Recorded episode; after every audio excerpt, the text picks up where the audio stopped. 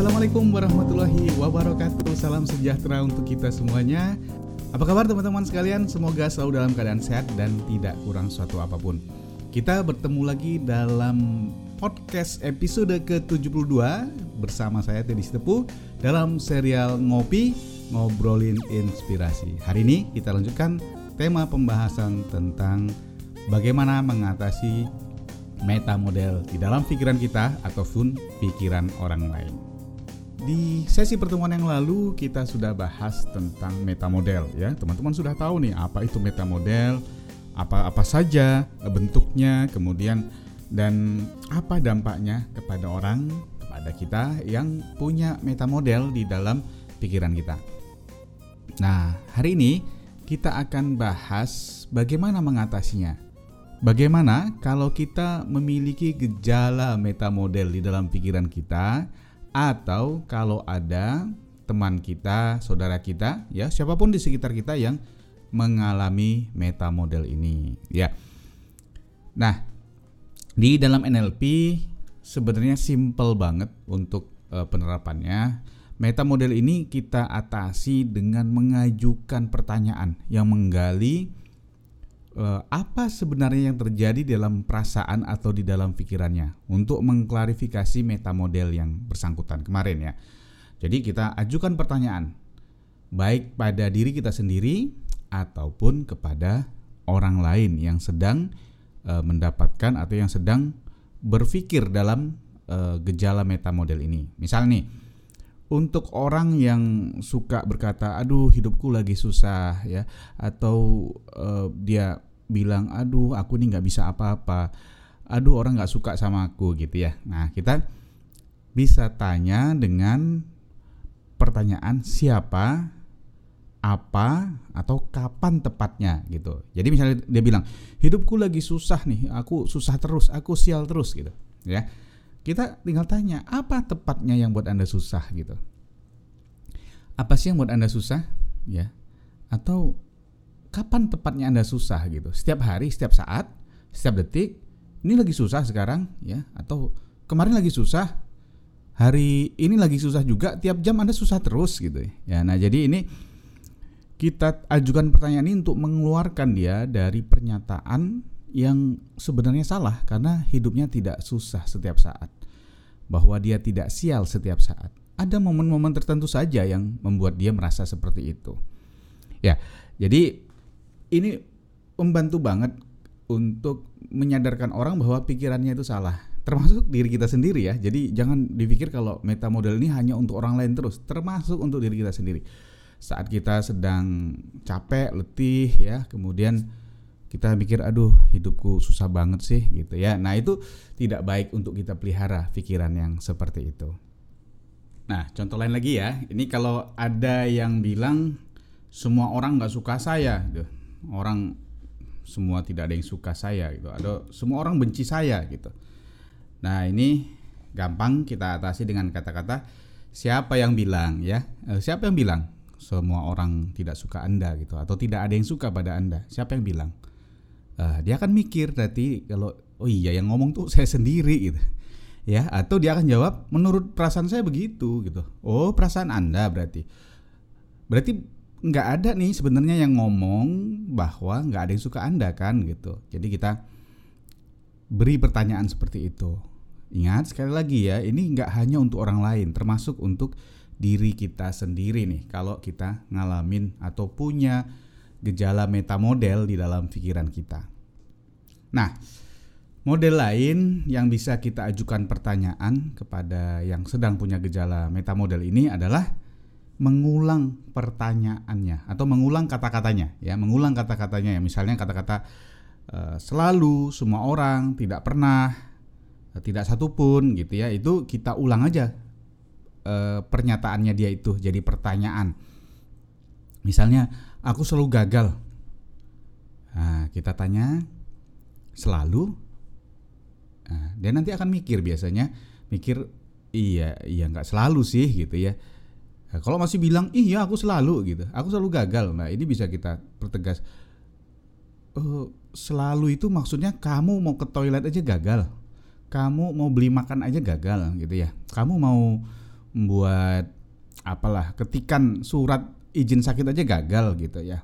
Atau apa sih sebenarnya gagalnya itu gitu? Jadi kita bisa tadi uh, mengulang saja kata-kata yang dia sampaikan kata-kata selalu gitu. Atau kalau tidak pernah ya misalnya tidak pernah. Aku ini tidak pernah beruntung. Nah, kita bisa tanya balik dengan kata-kata tidak pernah. Ya tidak pernah gitu.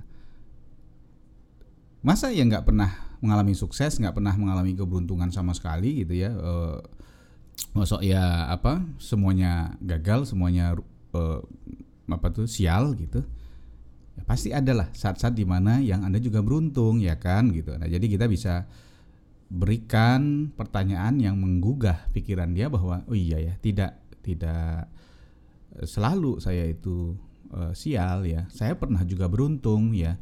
Saya bukannya tidak pernah tidak bukannya saya tidak pernah beruntung ya pernah beruntung di momen-momen tertentu di syarat-syarat tertentu. Ya jadi dengan itu kemudian kita mengarahkan pikirannya bahwa uh, fokuslah pada apa-apa yang membuat anda beruntung itu gitu. Jadi tidak sekedar uh, mengungkapkan perasaan.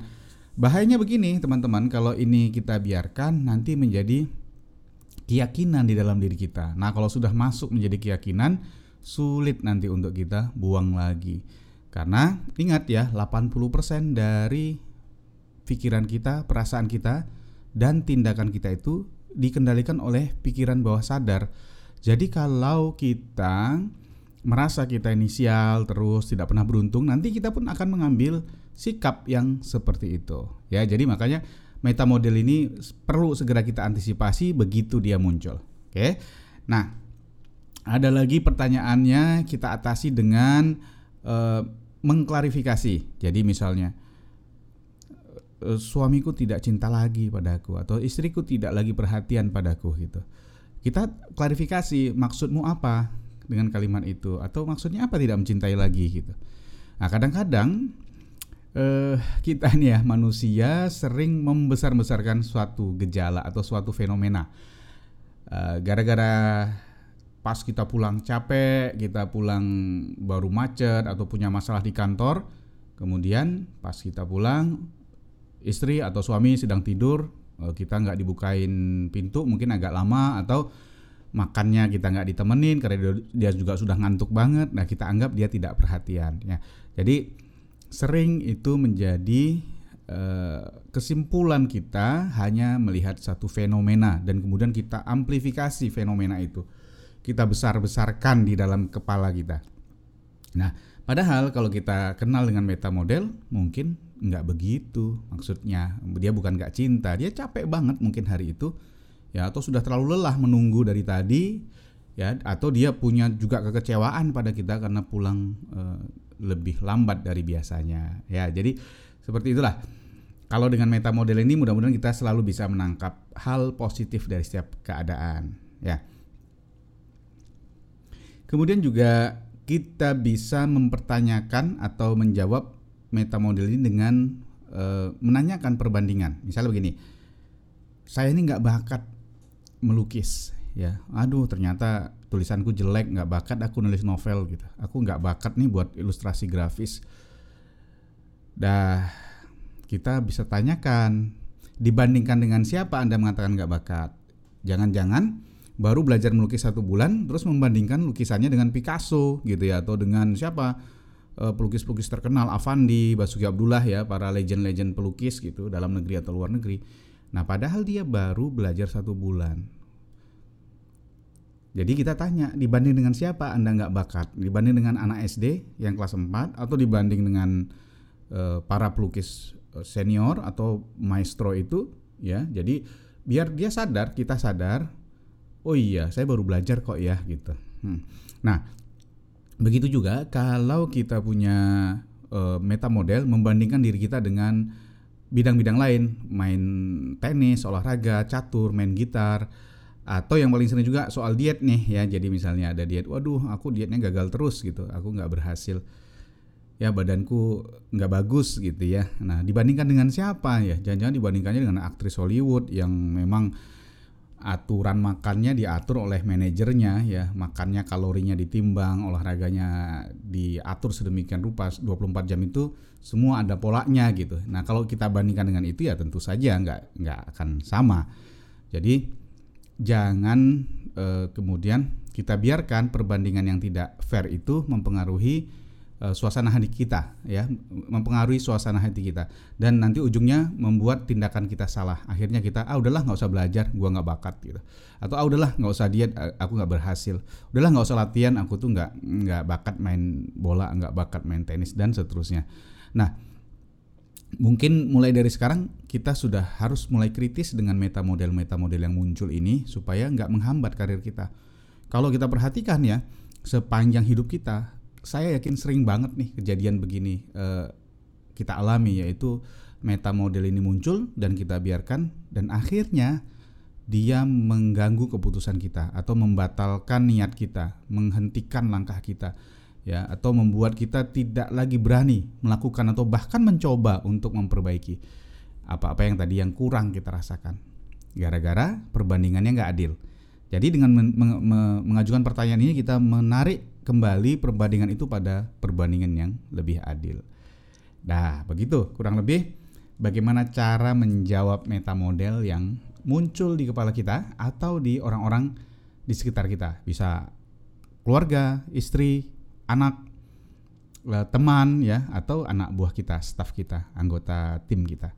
Ini akan membantu banget buat kita sendiri maupun mereka. Pengalaman saya seperti itu. Jadi ketika ada muncul meta model ini langsung kita tanya, langsung kita uh, atasi. Ini memberikan aura positif. Jadi memberikan sudut pandang yang lebih positif lagi kepada apa yang sudah dia pikirkan itu. Ya, mudah-mudahan bermanfaat ya pembahasan kita kali ini. Kita akan sambung lagi pembahasan seputar NLP ini di postingan berikutnya. Oke, sampai ketemu. Eh, jangan lupa ngopi terus biar semangat dan ikuti terus serial podcast ngopi ngobrolin inspirasi bersama saya Teddy Sitepu. Oke, sampai di sini dulu. Assalamualaikum warahmatullahi wabarakatuh.